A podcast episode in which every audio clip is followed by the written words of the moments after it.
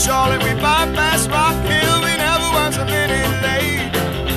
90 miles out of Atlanta by sundown, rolling across the Georgia state.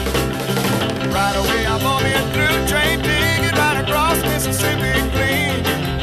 I was on that midnight flight out of Birmingham, smoking in New Orleans. Somebody help me get out of Louisiana, help me get to Houston town. There are some folks who care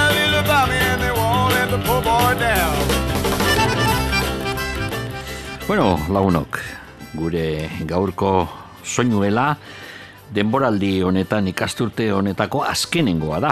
Uztaiaren bigarren aste honetan e, itziko dugu momentuz e, gure irratia, gero e, zera, e, aste nagusirako berriro egongo da martxan hilabete bat barru, baina gu soinu gelaga ziraian haseko gara berriro. Guk e, irakasleak ez gara, ze, baina irakasleak izandakoak garen ez, e, neurtzen dugu gure soinu gelak ikasturte e, kontzeptu horrekin, eta posik gainera.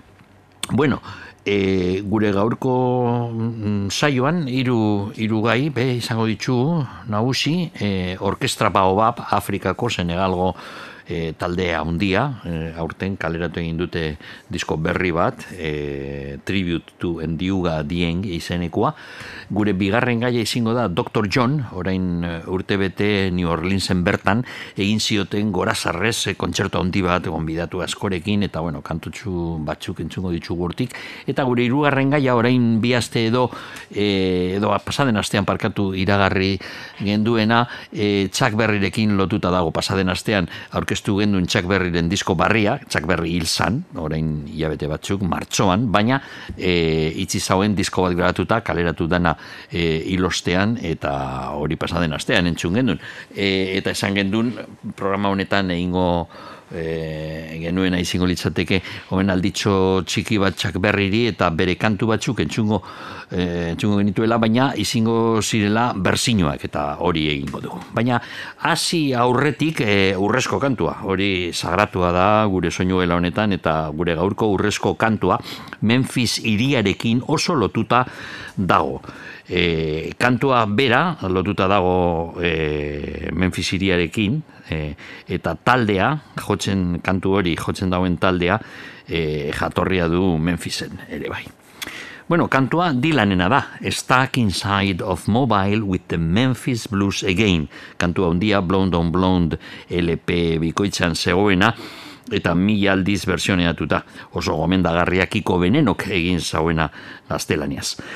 Bueno, North Mississippi All Stars, eh, Cody eta Luther Dickinsonen taldea, ekera Krius eh, Chu, baltza, eh, astu barik, basu jolea da, edo san talde honetan, orain nitxe taldea, eta eurek Memphisekin dauz lotuta Jim Dickinson euren euren gurasoa Cody eta Luther Dickinsonen aita e, Memphis irian bizi izan luze eta Memphis musikarekin identifikatzen zan.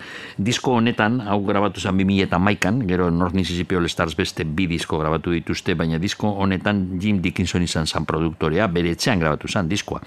Egia zan Jim eh, Luther Dickinson hil zan orain urte batzuk, baina bere semeak kodi eta luzer jarraitzen dute bere lana. Beraz, entzungo dugu kantu hori, mm, Stuck Inside of Mobile with the Memphis Blues Again, Dylanen kantua, North Mississippi All Stars taldeak egindakoa.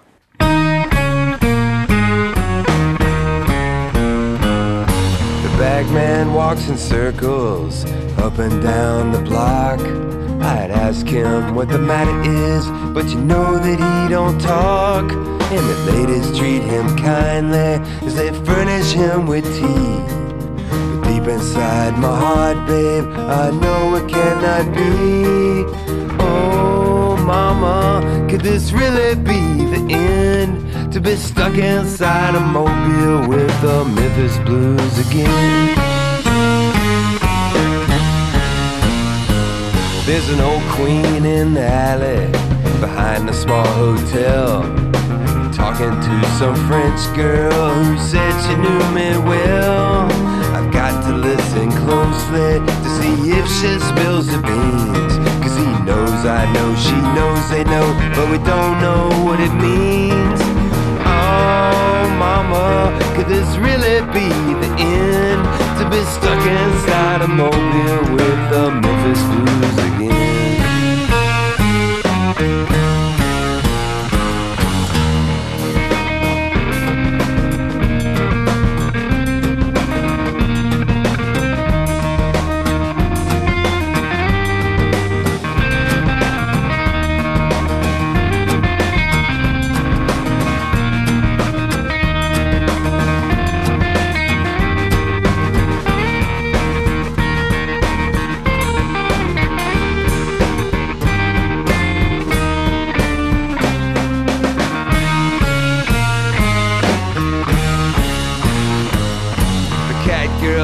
Come see her in a honky tonk saloon.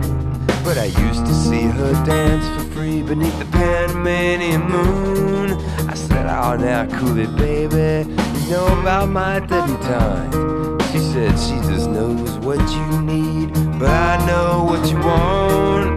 Oh, mama, could this really be the end?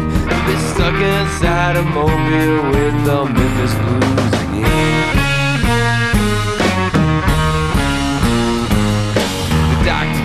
Two choices. Then it said jump right in. One was Texas medicine, and the other was railroad gin. Like a fool, I mixed it, and it scrambled up my mind. Now the people are getting uglier, and I lost all track of time.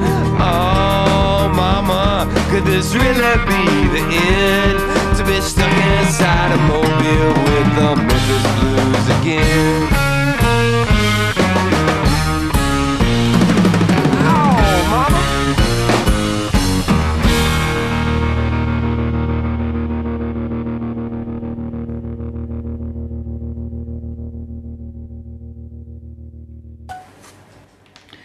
Erto, laguno, bueno, esan dugu moduan gure e, urrezko kantuaren ostean, hasiko gara lehenkoko gaiaz, orkestra baobab, gure programan, em, amazortzi urte, ibili gara urte urte soinuela egiten eta orkestra baobab hasieratik izin da klasiko bat, eh, Afrikako e, jarri dugun eta igual gehien jarri dugun Afrikako taldea. E, orkestra baobab sortu zen aspaldian, mila bederatzen mila bederatzen eta irurogeita amarrean, Senegalen, eta eurek e, Kubako rumbaren e, e, eraginpean sortu ziren Afrikako musikariak, Gineakoak, Senegalgoak, e, Malikoak, e, leku ezberdinetakoak, inguru horretakoa, eta orkestra bat bihurtu zen, ba, klasiko bat, e, Afrikako mendebaleko e, musikan. Eta, bueno, ba, egon dire urte batzuk, egon ziren urte asko grabatu barik, bueltatu ziren, e, guk zuzenean ikusi gendun, e, donostiko e, egia auzoan gaztezkenan, eta, bueno, ba, kriston emanaldia izan zen, jai haundi bat, e, ikustea orkestra bau zuzenean derrigozko esperientzia da, musikazalea izan eskero. Orain bueltatu dire berriro, grabatu dire berriro Inglaterran, World Circuit eh, Nick Gould produktorearekin, eta World Circuit eh, dizketzerako, eh, aldaketa pilo bat egon dire, bueno, oskorriaz gertatzen zan moduan, bakizu, eh, oskorri ja desagertua dago taldea, baina hogeita mapiku musikariak pasatu ziren oskorri taldetik, eh, lau amarka, amarkaden zehar, eta orkestra bau balka santzeko parezido e, ze, ze taldekide asko dire beti orkestra honetan eta eta hemen zaratea dabil e, gabiz jasotzen argazki batzuk e, telefonan. Bueno, eta e, orain e, egin nahi izan diote omenalditxo bat e, endioga dien e, hildala eta izan zan taldekide garrantzitsua eta horrezegatik jarri diote disko honi izena tribute to endioga dien. Bueno, hasiko gara mm, disko honekin, Foulo izango da entzungo kantua, hau izan zen e, kantu bat, e, amodiozko kantu bat, e, azierakoa, e, taldearen e, azierako repertorioan zegoena, kanoute izenarekin, orain aldatu diote izena, baina kantu berbera da. Bueno, entzungo dugu, mandingaz e, dago kantu hau e, zera, abestute eta entzungo, entzungo dugu, orkestra Baobab. Baobab.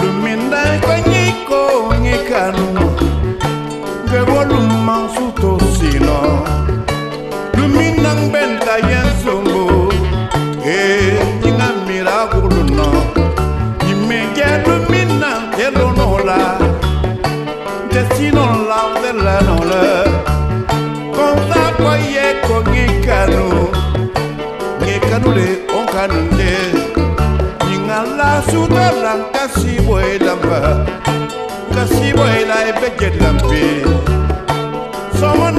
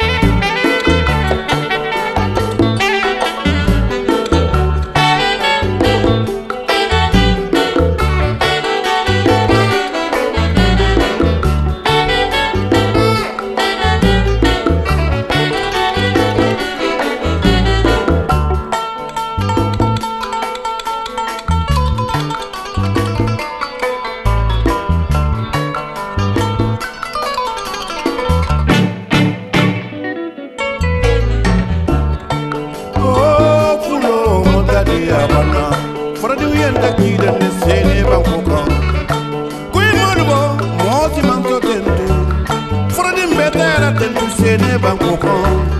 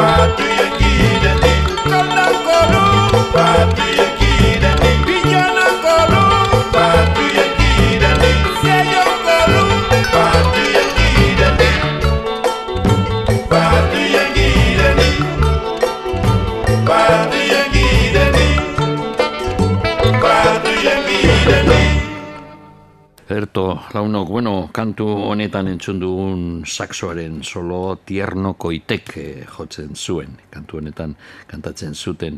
Ez, eh, ez ba, zaitut ikusten ezin dut, ez jan, ez edan, ez lorik egin, hau esan, foulo izeneko kantua. Bueno, urrengokoa, Magno Couto izenekoa da. Kantu honetan, mm, zera, e, teklatu musika tresna bat entzungo dugu balafon izenekoa. Kantua, e, orkestra baobab hartzen du Gineako errepertoriotik, e, Gineako kantu bat da. Ingelesez, e, bueno, euskeraz itzulpena izango litzateke, neskalagun barria, e, kantua da berriro amodiozko kantu bat, Gineakoa, mila behatzen eta iruro eta marrekoa markadan Gineako Orkestra Nazionalak jotzen zuen eta bala san kantaria eta orain e, orkestra baobaben dagoen ez berak ekarri dau kantu hau bala ziribek kantatzen dau e, abesti entzungo dugun abestia bera kantatzen dau zelan e, kantu honetan zelan e, gizon gazte bat e, sufritu behar zuen pilo bat lortzeko neska gaztetxo bat bere, berak maite zuena berarekin ezkontzea eta berak esaten dau kantu honetan zelan beti egongo da eskertua benetan neska horri bere bisimodua berarekin elkar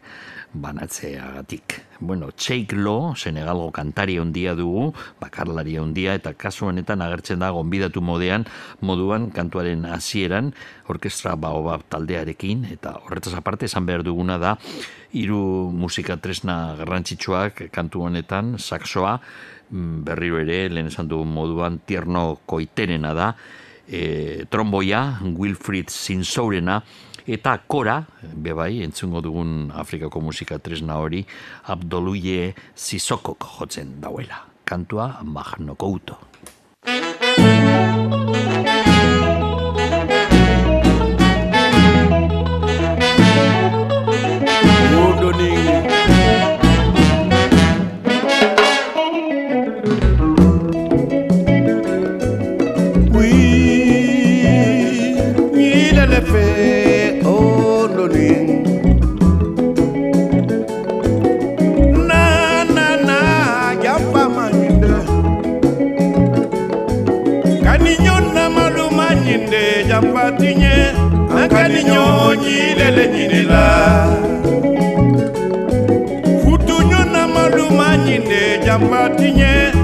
kutu delle lelepe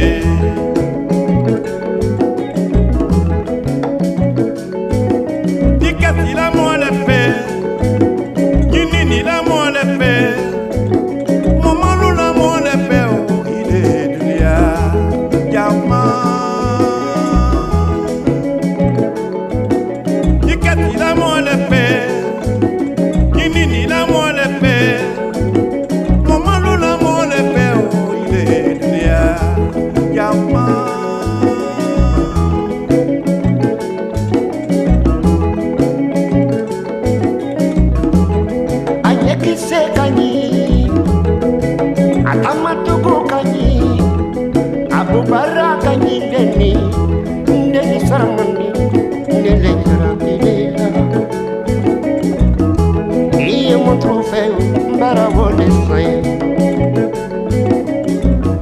Hey, I'm a believer, but I word is rain. Hey, I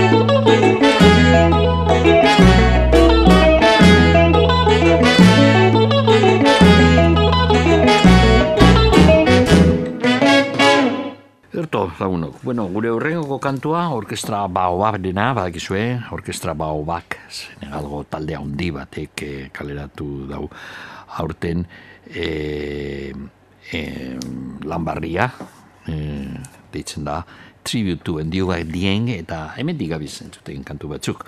Urrengokoa sei izenekoa, E, bueno, kantu honetan tion sek e, abotza daukagu, etorri da gonbidatu moduan, egon santalde honetan, e, hasi eran, orkestra bao ba honetan, iruita marreko markadaren azkenengo urteetan e, tion se izan zan taldearen e, kantari bat, baina gero taldetik abiatu zan bere ibilbide bakarlari moduan iziteko, eta orain bueltatu da kantu honetarako. Entzuko dugun kantua sei, orkestra bao ba repertoriaren klasiko bat zan, e, tion sekek egiten zauena, garai hartan, eta, ba, bueno, kantu honetan, daukagu berriro ere, bueno, amodiarekin lotutako kantu bat, edo, bueno, hobetu esan da, eskontxarekin lotutakoa, e, ba, egizu, kantuak, Afrikako kantuak sarritan oso didaktikoak dire, eta hemen aholku moduan esaten diote, e, gizon gazte honi beti bere, bere neska bere andra errespetatzea eta inoiz ez ustea alde batera. E, beningo da honetan. Hau da kantua, sei.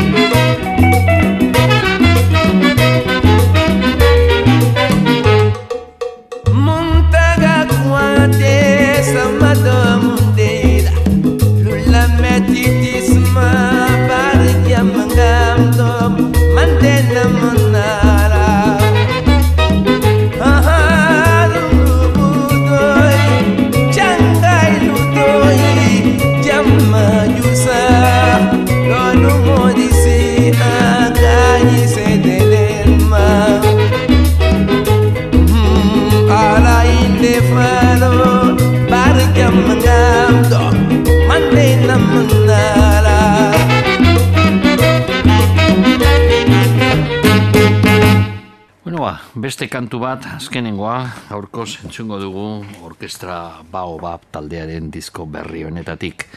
Horregoko kantua Karabana deitzen da.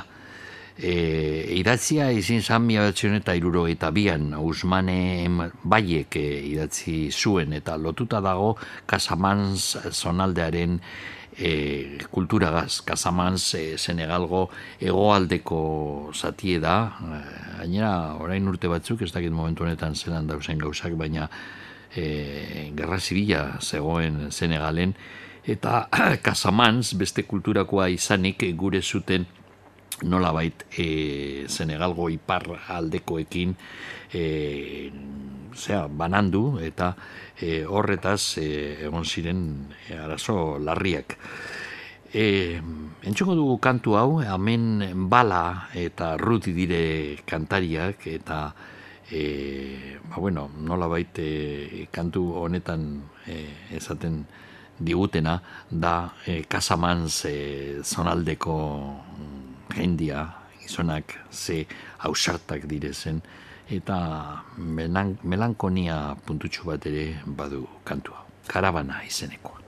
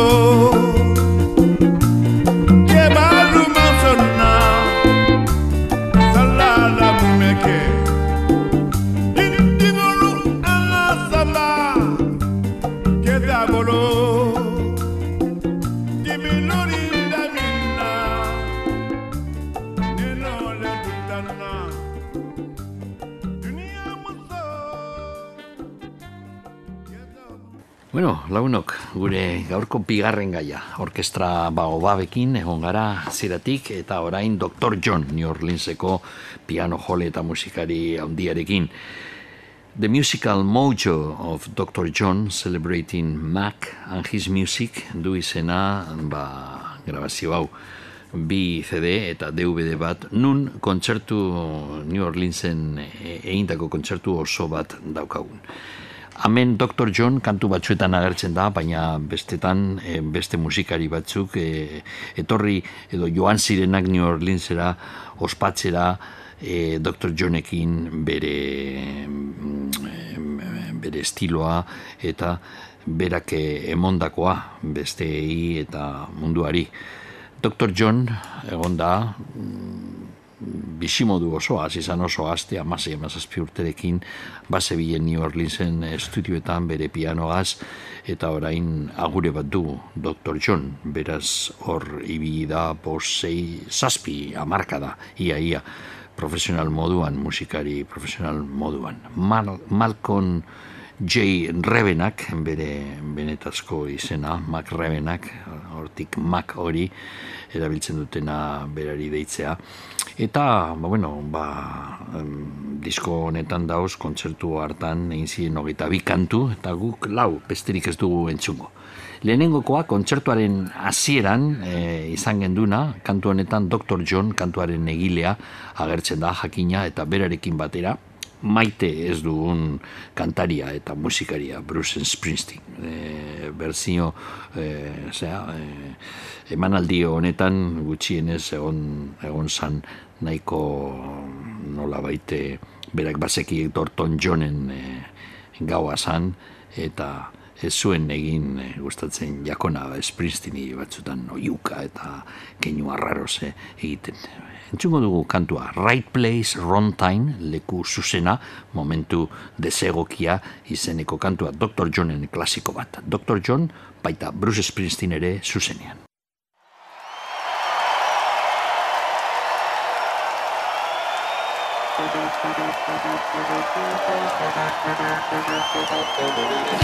Yeah,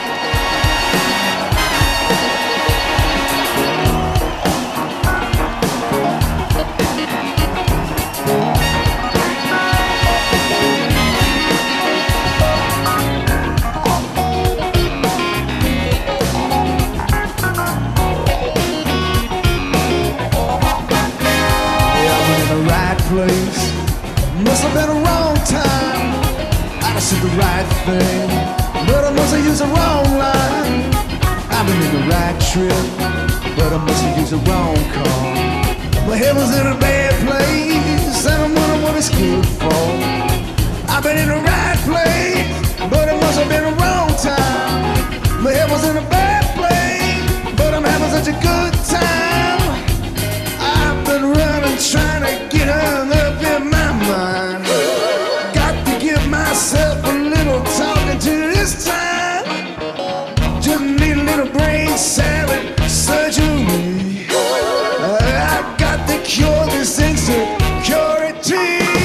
driving around.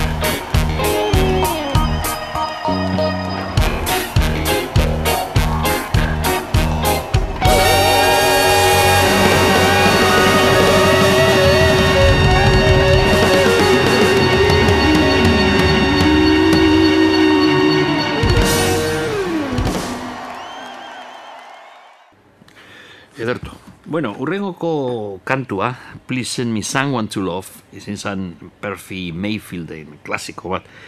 Eta e, hemen daukagun Dr. John berriro ere daukagun kantaria, baina berarekin batera Neville anaiak, ez guztiek, eh? lau edo bost dauz, hemen bi bakarri dauz. Haundizena, nola bait, tamainuz eta kategoriaz, Aaron Neville, kriston ahotza, eh, ahots eh, oso altua duen gizona, eta Charles Neville bere anaia ere badago berzino honetan. Dr. John Aaron Neville eta Charles Neville. Please send me someone to love.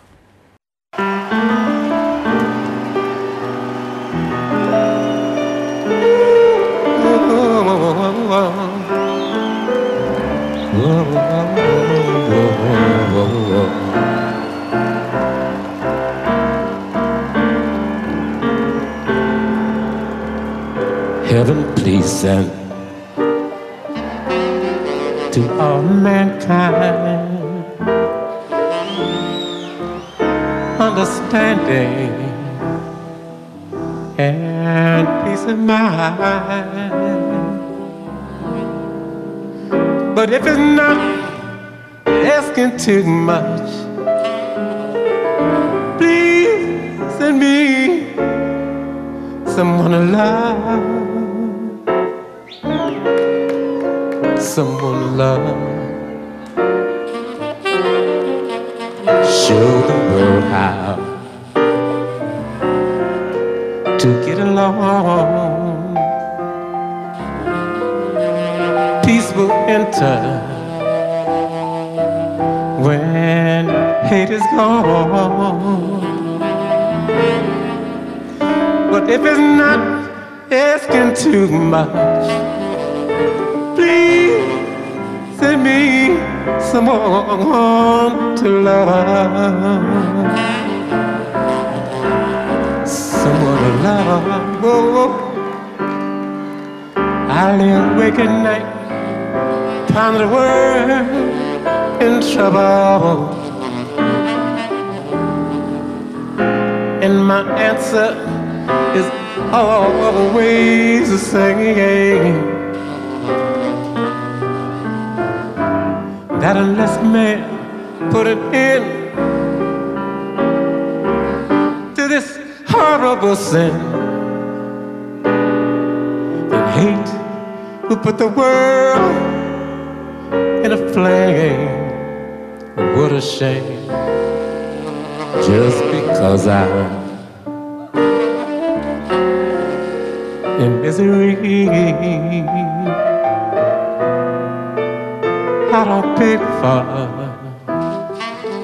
no sympathy. But if it's not asking too much, please send me someone to love. Someone to love. Blow your horn, Charlie.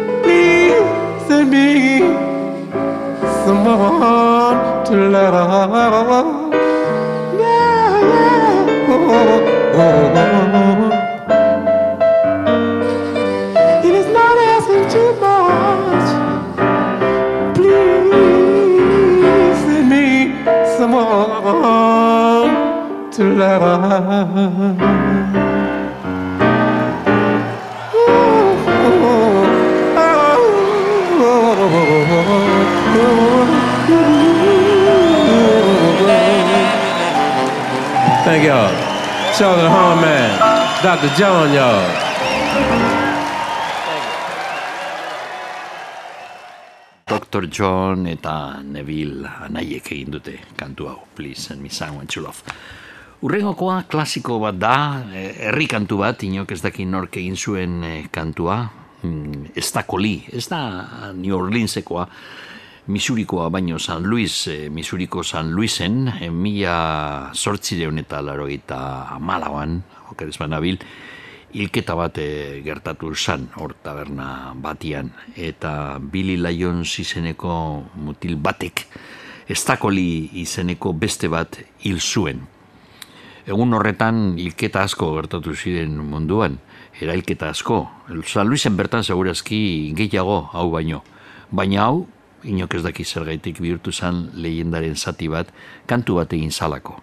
Eta kantu hori gaur egun arte estatu batuetako kanturik eta e, ezagunetarikoa da. Entzungo dugu Tap Benoat, gitarjolea eta kantaria, e, blues e, esparrukoa e, egindakoa. Hau da, Estako Li Tap Benoat e, eskutik.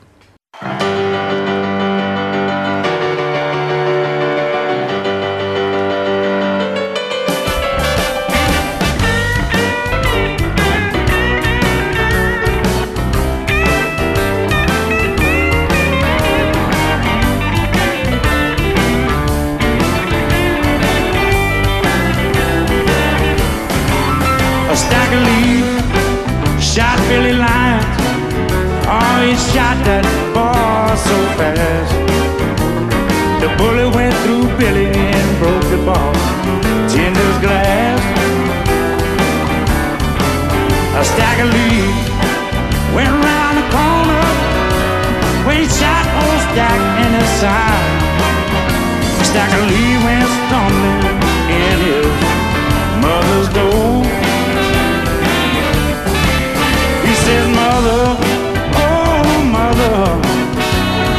you turn me over slow? I've been jabbed in my left side with a police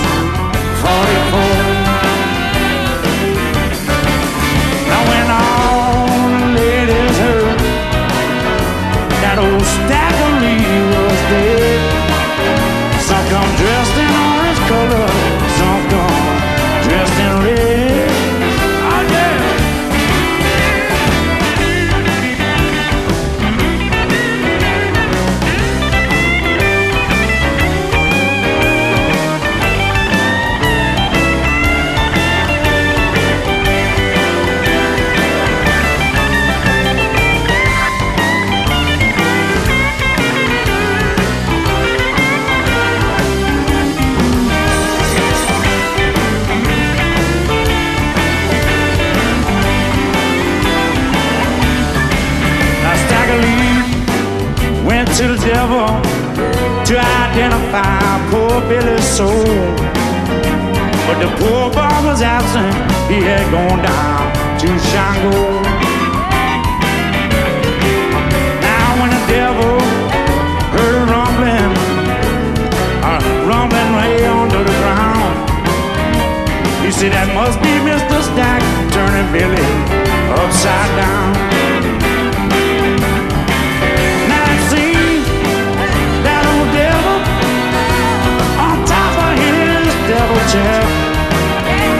He said, if you want it, old stack, all you gonna get him by yourself.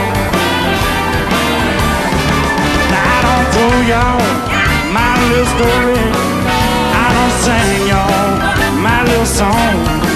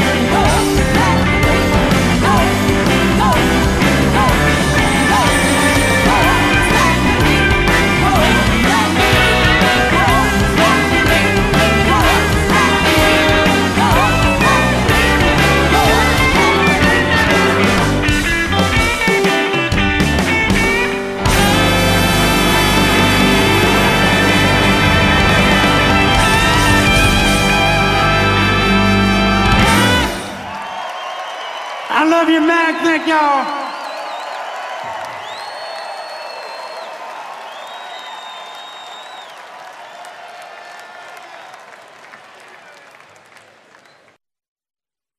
Bueno, eta azkenengo kantu bat entzungo dugu disko honetatik, bakizue, hau dela Dr. Johnny omenez egindako kontzertu bat pasaden urtean New Orleansen bertan, lagun asko etorri ziren berarekin egotea gau hartan, eta orain entzungo dugun kantua, e, Dr. Johnena da be, mm, berak komposatu zauen jita, nola bait, bere kontzertuetan nik Dr. John zuzenean lau edo bostaldiz ikusi dut, eta kantu hau Such a Night ikus, e, deitutakoa beti jotzen dago, hau da beti bere repertorioan dagoen kantua, eta kontzertu honetan be izin zan azkenengoa, eh? azkenengo bisa hauze izin zan. Dr. John, eta berarekin batera, berari laguntzeko Sarah Morrow kantaria, hau da, Such a Night. All right, I want to remember two of Mac's really good lifelong partners, Herman Ernest and Bobby Charles. We're going to do this one for both of them right now.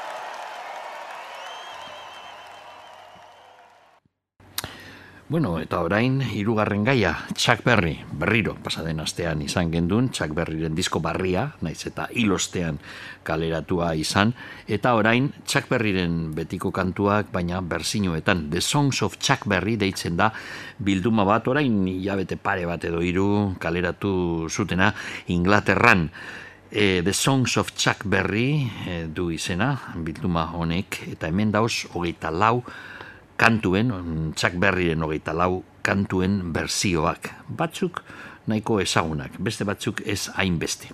Hasiko gara Roll Over Beethoven kantuarekin. Kantu hau bihurtu zen hit bat Europan batez ere The Beatlesek egin zuten berzioarekin. Baina orain entzungo duguna oso ezberdina da eta oso indartsua ere bai. Kantante glamorra handiko abeslaria zan eh, Helen Dixon eta berak grabatu zuen e, kantu hau e, Chuck Berry baino harinago, Chuck Berry txez disketzean hasi baino harinago, Ellen Dixon kantaria zan. Eta berak hartu zuen Roll Over Beethoven e, kantu hau, eta kaleratu egin zuen mila betzion eta berrogeita amazian. Bakarrik e, aste bet edo aste pare bat Chuck Berryren jatorrizko kantuaren grabazioa agertu ostean. Hau da Helen Dixonek egin zauena Roll Over Beethoven kantuarekin.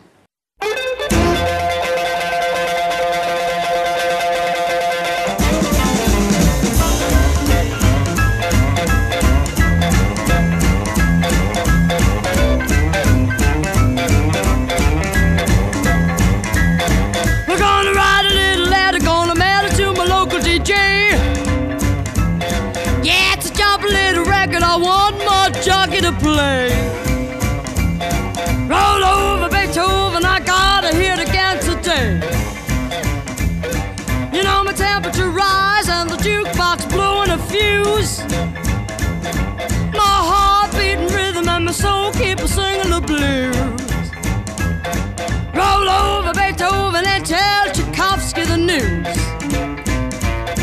I got the rockin' pneumonia, I need a shot of rhythm and blues. Caught the rolling arthritis, sit down at a rhythm review. Roll over Beethoven, they're rockin' in two by two. Well, if you feel it and like it, go get your lover, then reel and rock it. Roll it over, then move on up just a trifle further, then reel and rock with one another. Roll over Beethoven and dig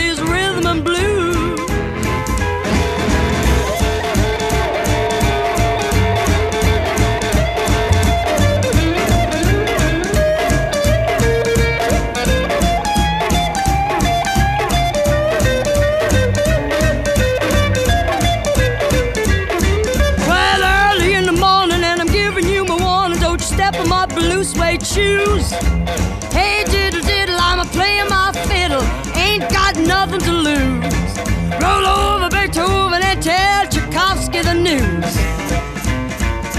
You know, he wiggle like a glowworm, dance like a spinning top. He got a crazy partner, you ought to see him reel and rock. Long as he got a dime, the music won't never stop. Roll over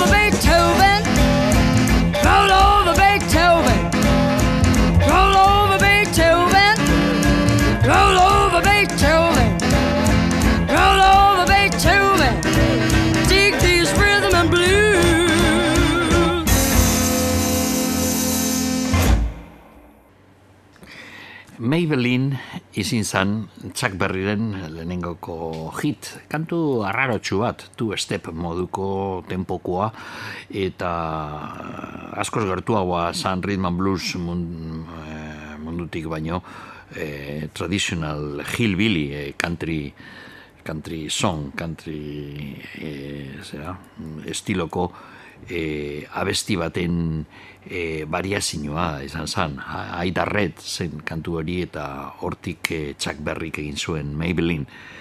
Beraz oso egokia zan eh, country kantari batek egitea mm, nahiko harin, eh, Chuck Berry grabatu kantua, eta Marty Robbinsek, Arizonako Marty Robbinsek egin zuen bere berzioa.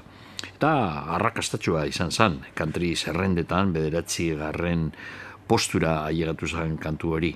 Gero, e, zera, mm, Chuck Berryren kantuak country kantariek ez zuten egiten. Irrogeita irrogeiko amarkadaren ja nahiko sartute. Hasi ziren e, country kantariak e, Chuck Berryren kantutegiagaz jolasten. Baina hasieran Maybelline kantu hau izan zen bakarrikoa. Entzungo dugun bersioa esan dugun moduan Marty Robinsena da Maybelline, why can't you be true? Oh, Maybelline, why can't you be true? You done started back doing the things you used to do. Well, as I was motivating over the hill, saw Maybelline in a Coupe de Ville. Cadillac rolling on an open road, nothing outrun my V8 Ford. Cadillac doing about 95, bumper to bumper, rolling side to side. Maybelline, why can't you be true? Oh, Maybelline, why can't you be true? You done started back doing the things you used to do.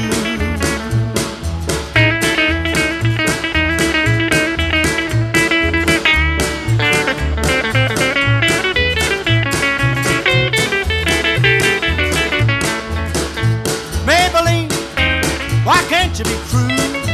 Oh, Maybelline, why can't you be true? You done started back doing the things moved to 104. Ford got hot, wouldn't do no more. Done got cloudy and began to rain. Tooted my horn for to pass the lane. Rainwater blowing all under my hood. I knew it was doing my motor some good. Maybelline, why can't you be true? Oh, Maybelline, why can't you be true? You done started back doing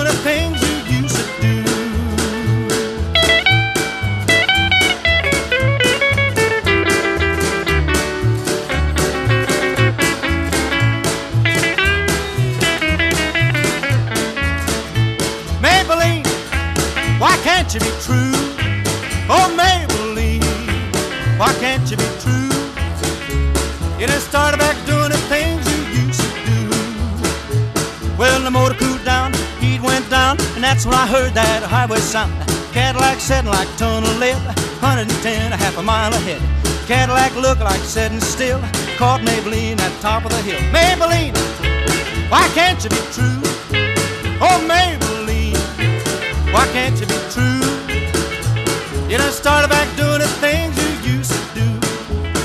Oh, Maybelline, I don't know why I didn't bother to fool with you. I don't ask you to change your ways, but you done started back doing the same old thing you used to do.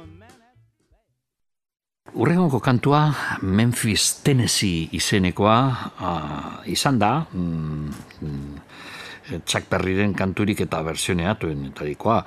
E, Memphis e, izenarekin normalean agertzen da, baina jatorrizko mm, izena Memphis, Tennessee izen zan. Mila batzen eta berrogeita emeretzian e, grabatu egin zuen e, Chuck Berryk kantu hau eta agertu zen single batean baina B aldean Back in the USA kantuarekin. E, berriro mila batzen eta irurogeita iruan kaleratu egin zan Chuck Berryren berzioa eta e, egin zan mm, bigarren aldi honetan askoz ezagunagoa. Lonnie Makek, e, gitarjole ospetsua estatu batuetarra egin zuen berak e, berzio bat nahiko arrakastatxoa. Hortik aurrera ia guztiek egin zuten kantu hori Memphis izenekoa, ba, The Tross e, taldea Inglaterrakoa, Count Basie, Jazzmana, guztiek hartzen zuten Memphis Tennessee kantu hau. Soul kantaria handia zan, Don Covey, egin zuen kantua, baina oso era berezi batean, entzungo duzuen moduan. Berak grabatu egin zuen reggae e, estiloan, eta jamaikan bertan grabatu egin zuen mila bedatzen eta irurogeita amabian, Dynamic eh, Sounds Studio betan. Berak egin zuen Memphis kantu honen berzioa jamaikako musikariekin, jam sesioetin, e, zera, grabatzeko estudioetan ibiltzen ziren musikaririk eta ondienetarikoak. Eta kantua, ez zuen arrakasta handia, kaleratu zen Britania handian, hasieratik eta ez da hain ezaguna, baina kantu berzio berezia da, kantu handi baten berzio berezia. Memphis, Tennessee, Don Covey kantatzen dauena.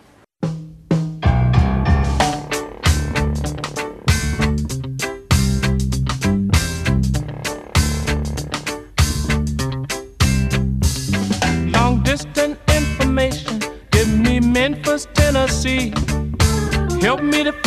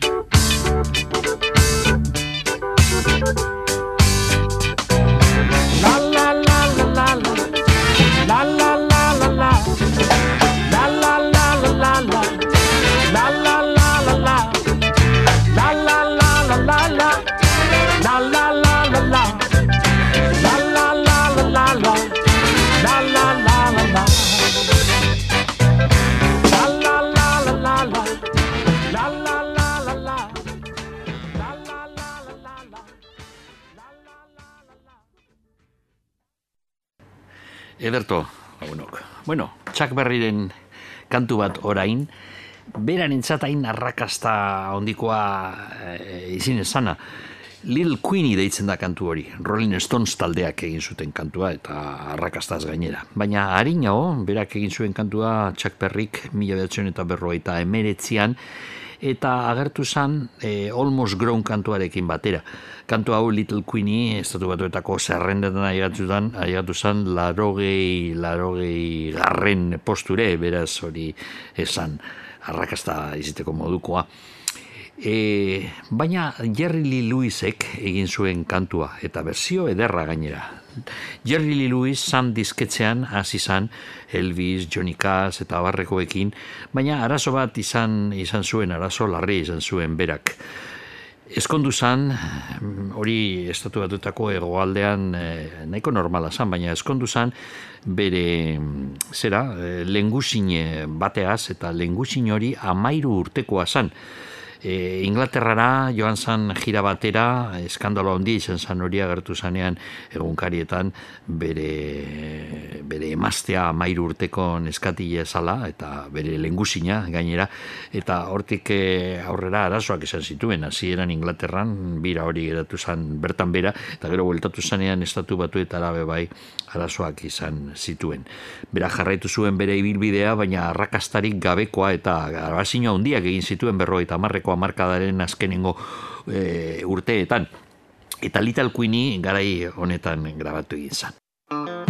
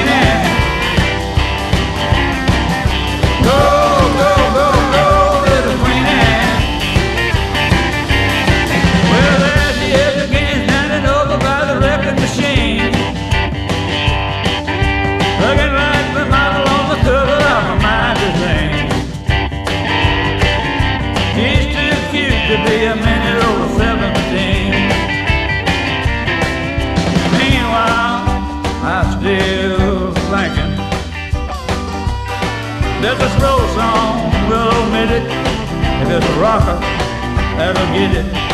If it's good, I'll admit it. I'm here, Queenie. Let's get with it. Go,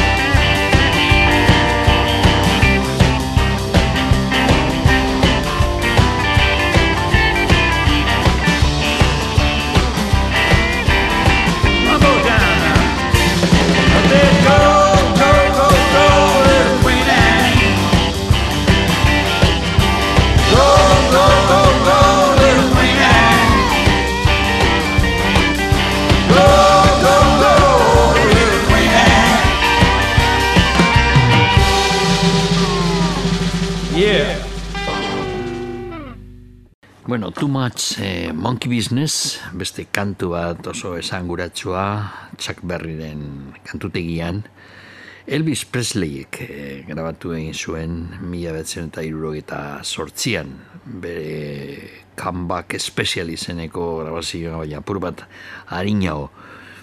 Chuck, eh, Elvis Presleyk grabatu zituen bi kantu Brown, Eye- Brown Eyed Handsome Man, eta hause, Too Much Monkey Business. Kantu hau, kantu honetan, badago entzutekoa benetan gitar eh, riff bat, gitarra egindako riffa, Jerry Reed, gitar joleak egin zauena estudioan. Kontua da, Too Much Monkey Business garai hartan agertu zen bakarrik disko batean saltzen saltzen zala singer josteko makinak saltzen ziren dendetan, holako proiektu arraro bat, beraz pasatu zen nahiko, bueno, jendea eh, zuen konturatu kantu honetaz. Too Much Monkey Business Inglaterran aurretik talde guztiek egin zuten, The Kings, The Hollies, The Yardbirds, The Beatles, guztiek egiten zuten Too Much Monkey Business kantuaren berzioa, baina agian asko sobeagoa zan Elvis Presleyk egin zauena. Hauxea.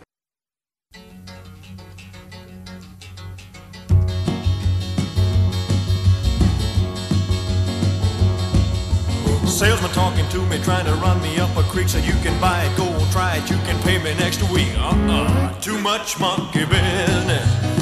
Uh, too much monkey business. Uh, too much monkey business for me to be involved in.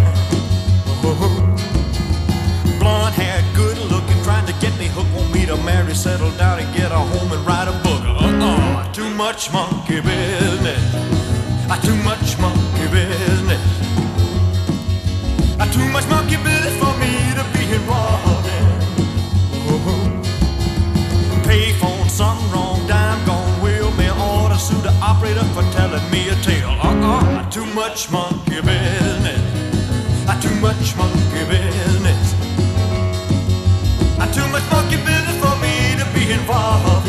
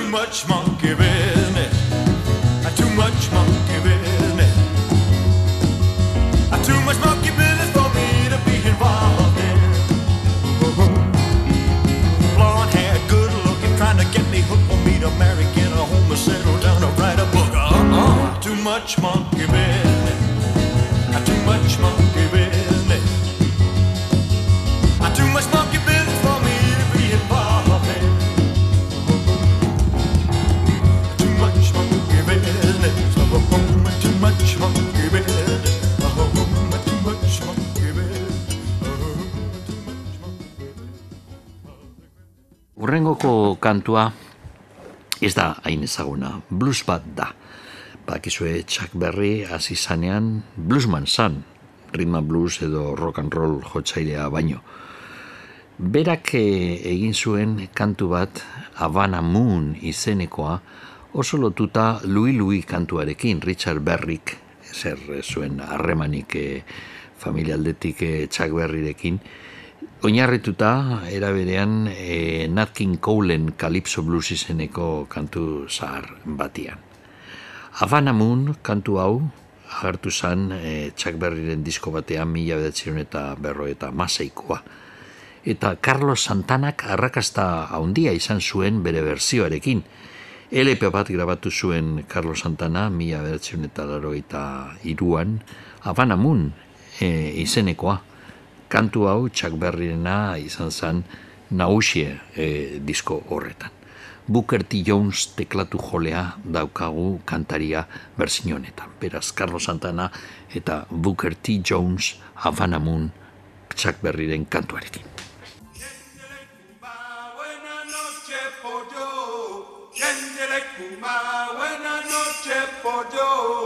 Be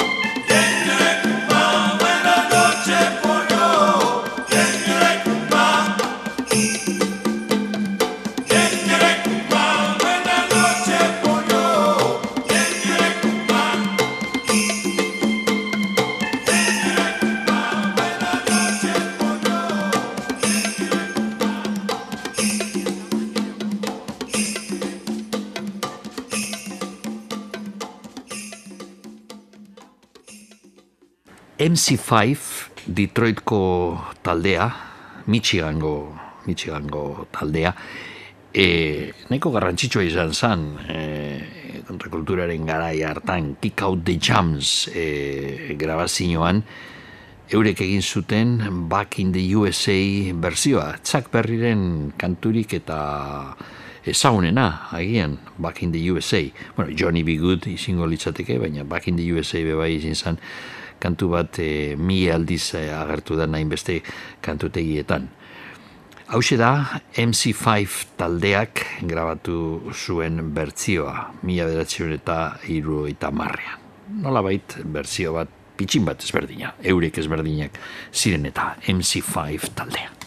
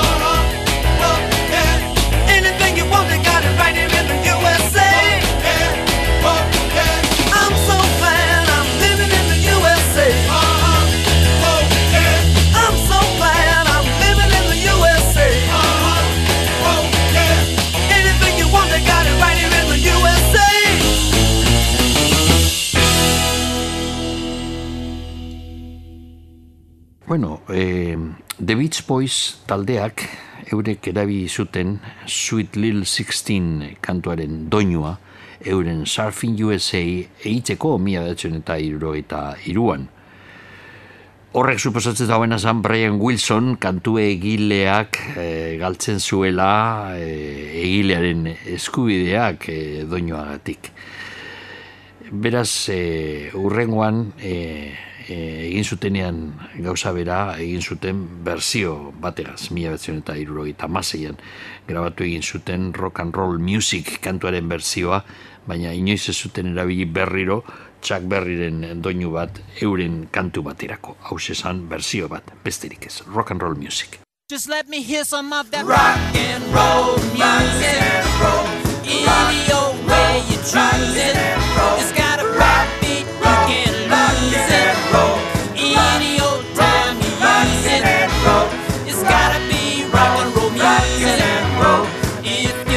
dance with me. If you wanna dance with me. I have no kicks against modern jazz. Unless they try to play it too darn fast and change the beauty of the melody until it sounds just like a symphony. That's why I go for that rock and roll music. Any old way you it. It's got a rock beat, you can't lose it. Any old time you it. It's gotta be rock and roll music. If you wanna dance with me. If you wanna dance with me. I took my loved one over across the tracks so she could hear my man a wailing sax. Must admit they have a rockin' band. Man, they was blowing like a hurricane. That's why I go for that rock and roll music. Any old way you choose it. It's got a backbeat, you can't lose it. Any old time you use it. It's gotta be rock and roll music. If you wanna dance with me. If you wanna dance down south they gave a jubilee. I tell you folks they had a jamboree.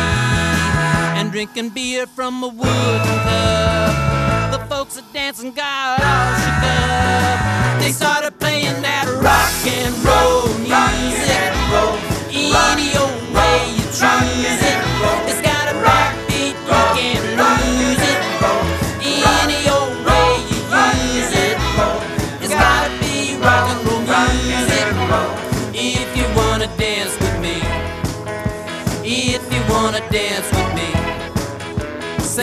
Wanna dance with me.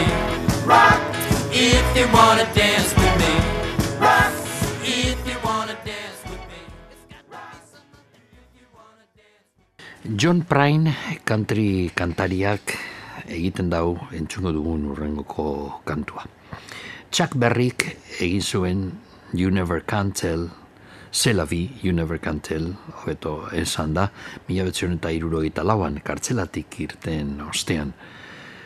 Chucken historia, Chuck Berriren historio honetan Pierre eta Mademoiselle bat agertzen dire hor dantzen. Kantua oso arrakastatxoa izan zen, hasieratik eta berzinoak egon dire asko. Emilu Harrisek egin zuen, Bob Zigerrek, Status Quo taldeak, Aaron Nevillek, Waylon Jenningsek, baina agian John Prainek egin zuen bertzioa onena da. Steve Cropper, Memphiseko gitarjoleak egin zuen produzio lana, eta mila bederatzeron eta irurogeita amabostean, Atlantic disketzean agertu zen Common Sense izeneko albunean agertu zen kantua. Gaur egun kantu hau jendeak lotzen dau jakine Tarantinoren Tarantinoren Pulp Fiction pelikula horretan agertzen zen eskena batean, bakizue hor Travolta eta be e, neska ez gogoratzen e, antzeslearen izena e, zera dantza e, txapelketa batean parte arte hart- hartzen zutenean kantu hau da eurek egiten dutena dantzan. You never can tell, baina entzuko dugun berzioa John Prainena da.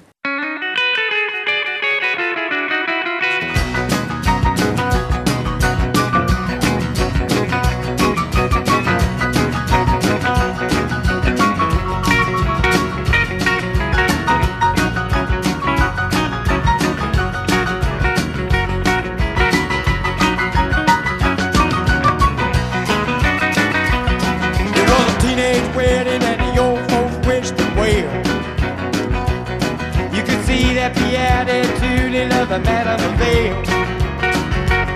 And now the young monsieur and Madame rung a chapel bell. C'est la vie, say the old folks, it goes to show you never can tell. They furnished off an apartment with a two-room rowboat sail. The coolerator was filled with TV dinners and ginger ale. But when Pierre found work, a little money come and worked out well. C'est say oh, the old folks, it goes to show you never can tell. They had a high-five phono board and they let it blast. 700 little record, all rock, rhythm, and jazz. But when the sun went down, the rapid tempo of the music fell. C'est la vie, say oh, the old folks, it goes to show you never can tell. They bought a souped-up chimney,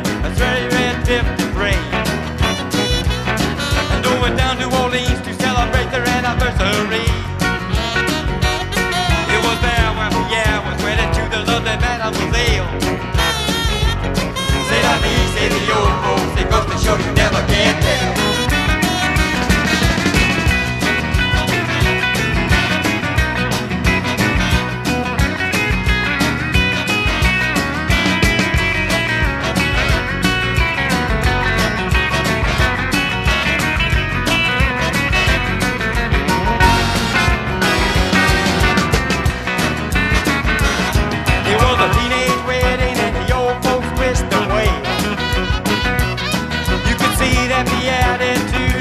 Malibu Vale. And now the young monsieur and Madama from the Chapel Bell. C'est la vie, say the old folks. It goes to show you never can tell.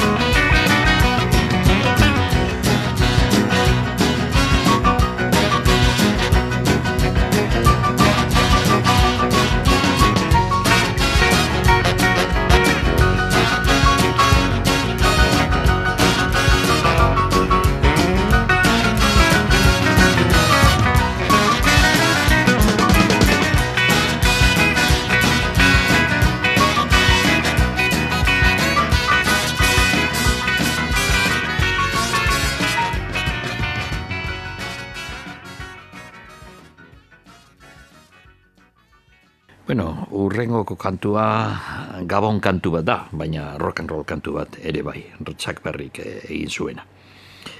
Gu txikita ginenean erreia genituen, gero agertu zen hortik olentzeroa, eta pentsatzen nuen nik e, zuela inbeste ikusirik erlijioarekin, baina hortik agertu zen Jesus Madarikatu hori non baitetik eta azkenean beste kantu bat horrelakoa zen. Estatu batuetan bakizue daukate beste tradizio bat antzeko parezidua da azken finean eta Santa Claus daukate eurek. Eta Santa Claus trineo batean dabil eta hor aurrean dagoena reno bat da.